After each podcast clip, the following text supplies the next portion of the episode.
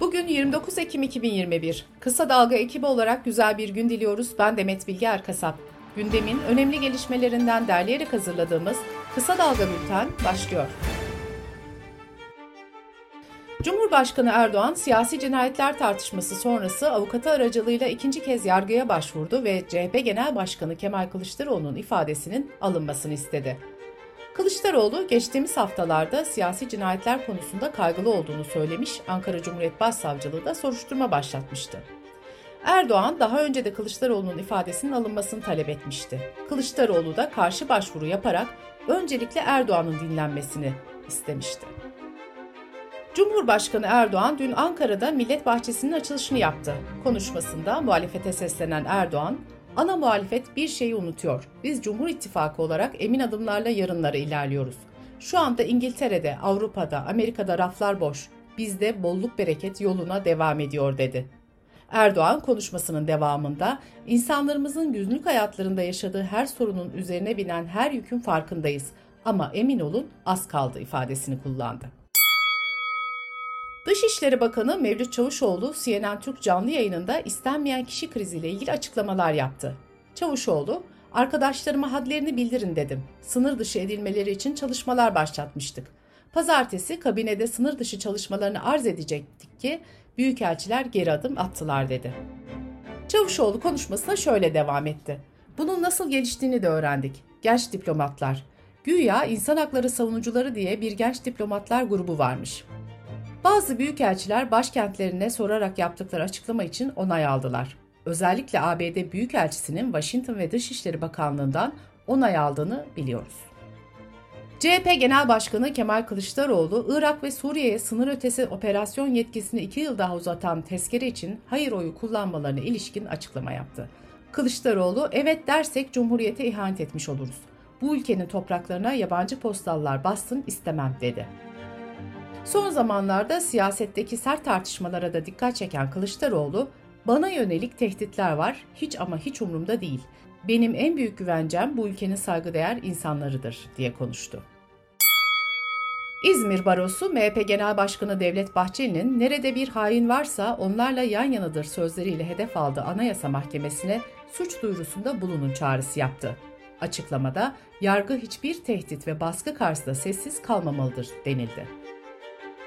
Bir vatandaşın sokak röportajı sırasında muz alamadığını dile getirmesi üzerine muz yerken çektikleri videoları sosyal medyada paylaşan 31 yabancıdan 11'i sınır dışı edilmek üzere gözaltına alındı. İstanbul Büyükşehir Belediyesi'nin 5000 taksi projesi Ulaşım Koordinasyon Merkezi toplantısında 10. kez reddedildi. İstanbul Büyükşehir Belediyesi kent genelinde hizmet veren 17 bin taksinin yetersiz olduğunu söyleyerek yeni taksi projesi hazırlamıştı. Kara Hindiba oyunu Hatay Valiliği tarafından uygun görülmemiştir denilerek iptal edildi. Oyuncu Sertaç Demir oyunun oyunda geçen testis kelimesinden dolayı iptal edildiğini belirtti. Bültenimize COVID-19 haberleriyle devam ediyoruz. Sağlık Bakanı Fahrettin Koca, COVID-19 nedeniyle hayatını kaybeden hamile sayısının 2019 yılına göre %52 arttığını söyledi.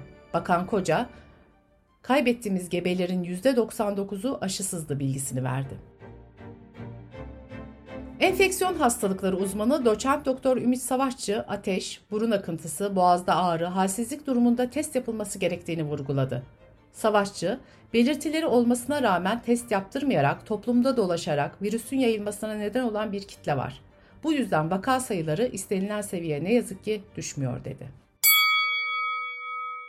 Koronavirüs önlemleri kapsamında sağlık çalışanlarına yıl sonuna kadar toplu taşıma hizmetlerinden ücretsiz yararlanma hakkı sağlayan Cumhurbaşkanı kararı resmi gazetede yayımlandı.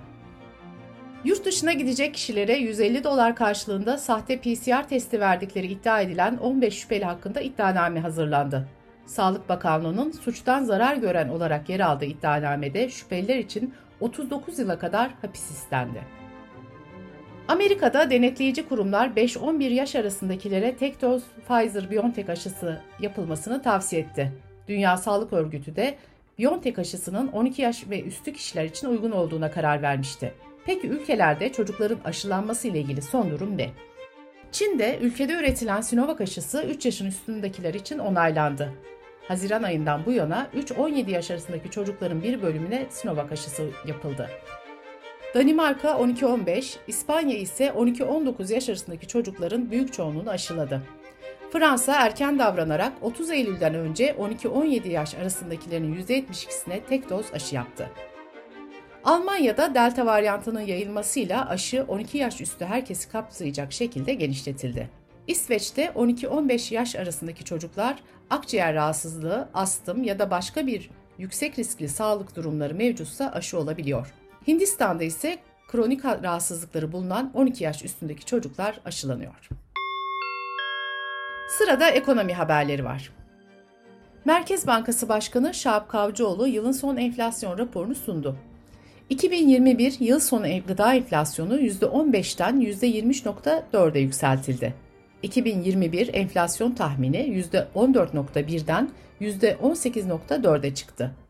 2022 yıl sonu enflasyon tahmini ise %7.8'den %11.8'e yükseltildi.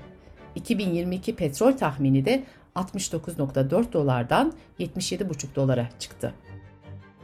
Döviz kurlarında 3 gündür devam eden düşüş, Kavcıoğlu'nun enflasyon raporunu açıklamasıyla yeniden yükselişe geçti. Haftanın ilk 3 gününde 9.40'a kadar gerileyen dolar 9.63'ün üzerini gördü. Euro ise 11.15'in üzerinde işlem gördü. Merkez Bankası haftalık para ve banka istatistiklerini de yayınladı. Buna göre vatandaşların döviz mevduatları 22 Ekim ile biten haftada 52.8 milyon dolar azalarak 234 milyar 464 milyona geriledi. Geçtiğimiz hafta vatandaşların döviz mevduatları 234 milyar 517 milyon dolardı. Fırıncıların İstanbul Valiliği ve İstanbul Ticaret Odası'na başvurusunun ardından İstanbul'da ekmeğe zam geldi. 220 gram ekmek 2,5 lira oldu.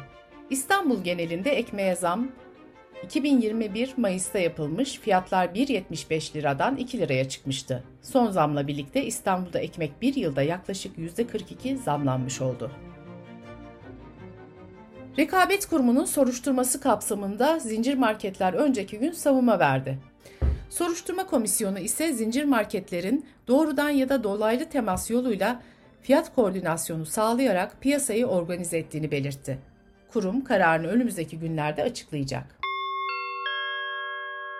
Dış politika ve dünyadan gelişmelerle devam ediyoruz. Avrupa Adalet Divanı yargı reformunu değiştirmemekte direndiği gerekçesiyle Polonya'yı değişikliği yapana kadar AB Komisyonu'na her gün 1 milyon euro para cezası ödemeye mahkum etti. Adalet Divanı Polonya'da hakimlerin denetimi için oluşturulan mekanizmanın AB hukuku ve yargı bağımsızlığıyla bağdaşmadığı gerekçesiyle değiştirmesi gerektiğine karar vermişti. Ancak daire çalışmalarına devam etmişti. Bu arada Polonya 20 Eylül'de de Çekya ve Almanya sınırındaki linyit madenindeki operasyonlarını durdurması için mahkeme kararına uymadığı gerekçesiyle AB Komisyonu'na günlük 500 bin euro para cezası ödemeye çarptırılmıştı. İtalya parlamentosu ülkede uzun süredir tartışılan homofobi karşıtı yasa tasarısını reddetti. Homofobiyi bir suç olarak tanımlayan teklif hapis cezası öngörüyordu. Sosyal Demokratların lideri Letta, İtalya'da zamanı geriye döndürmek isteyenlerin bu raundu kazandığını belirterek fakat ülke aksini düşünüyor. Bu da yakında netlik kazanacak dedi. Bültenimizi kısa dalgadan bir öneriyle bitiriyoruz. Mehveş Evin arka planda Soros'u ve kurduğu Açık Toplum Vakfı'nın dünya ve Türkiye'deki faaliyetlerini hakkındaki iddiaları araştırıyor. Soros sadece Türkiye'de değil, ABD'den Macaristan'a, İngiltere'den Polonya'ya, özellikle sağ siyasetçilerin hedefinde ve komplo teorilerinin merkezinde. Peki ama neden? Kısa Dalga.net adresimizden ve podcast platformlarından dinleyebilirsiniz. Gözünüz kulağınız bizde olsun. Kısa Dalga Medya.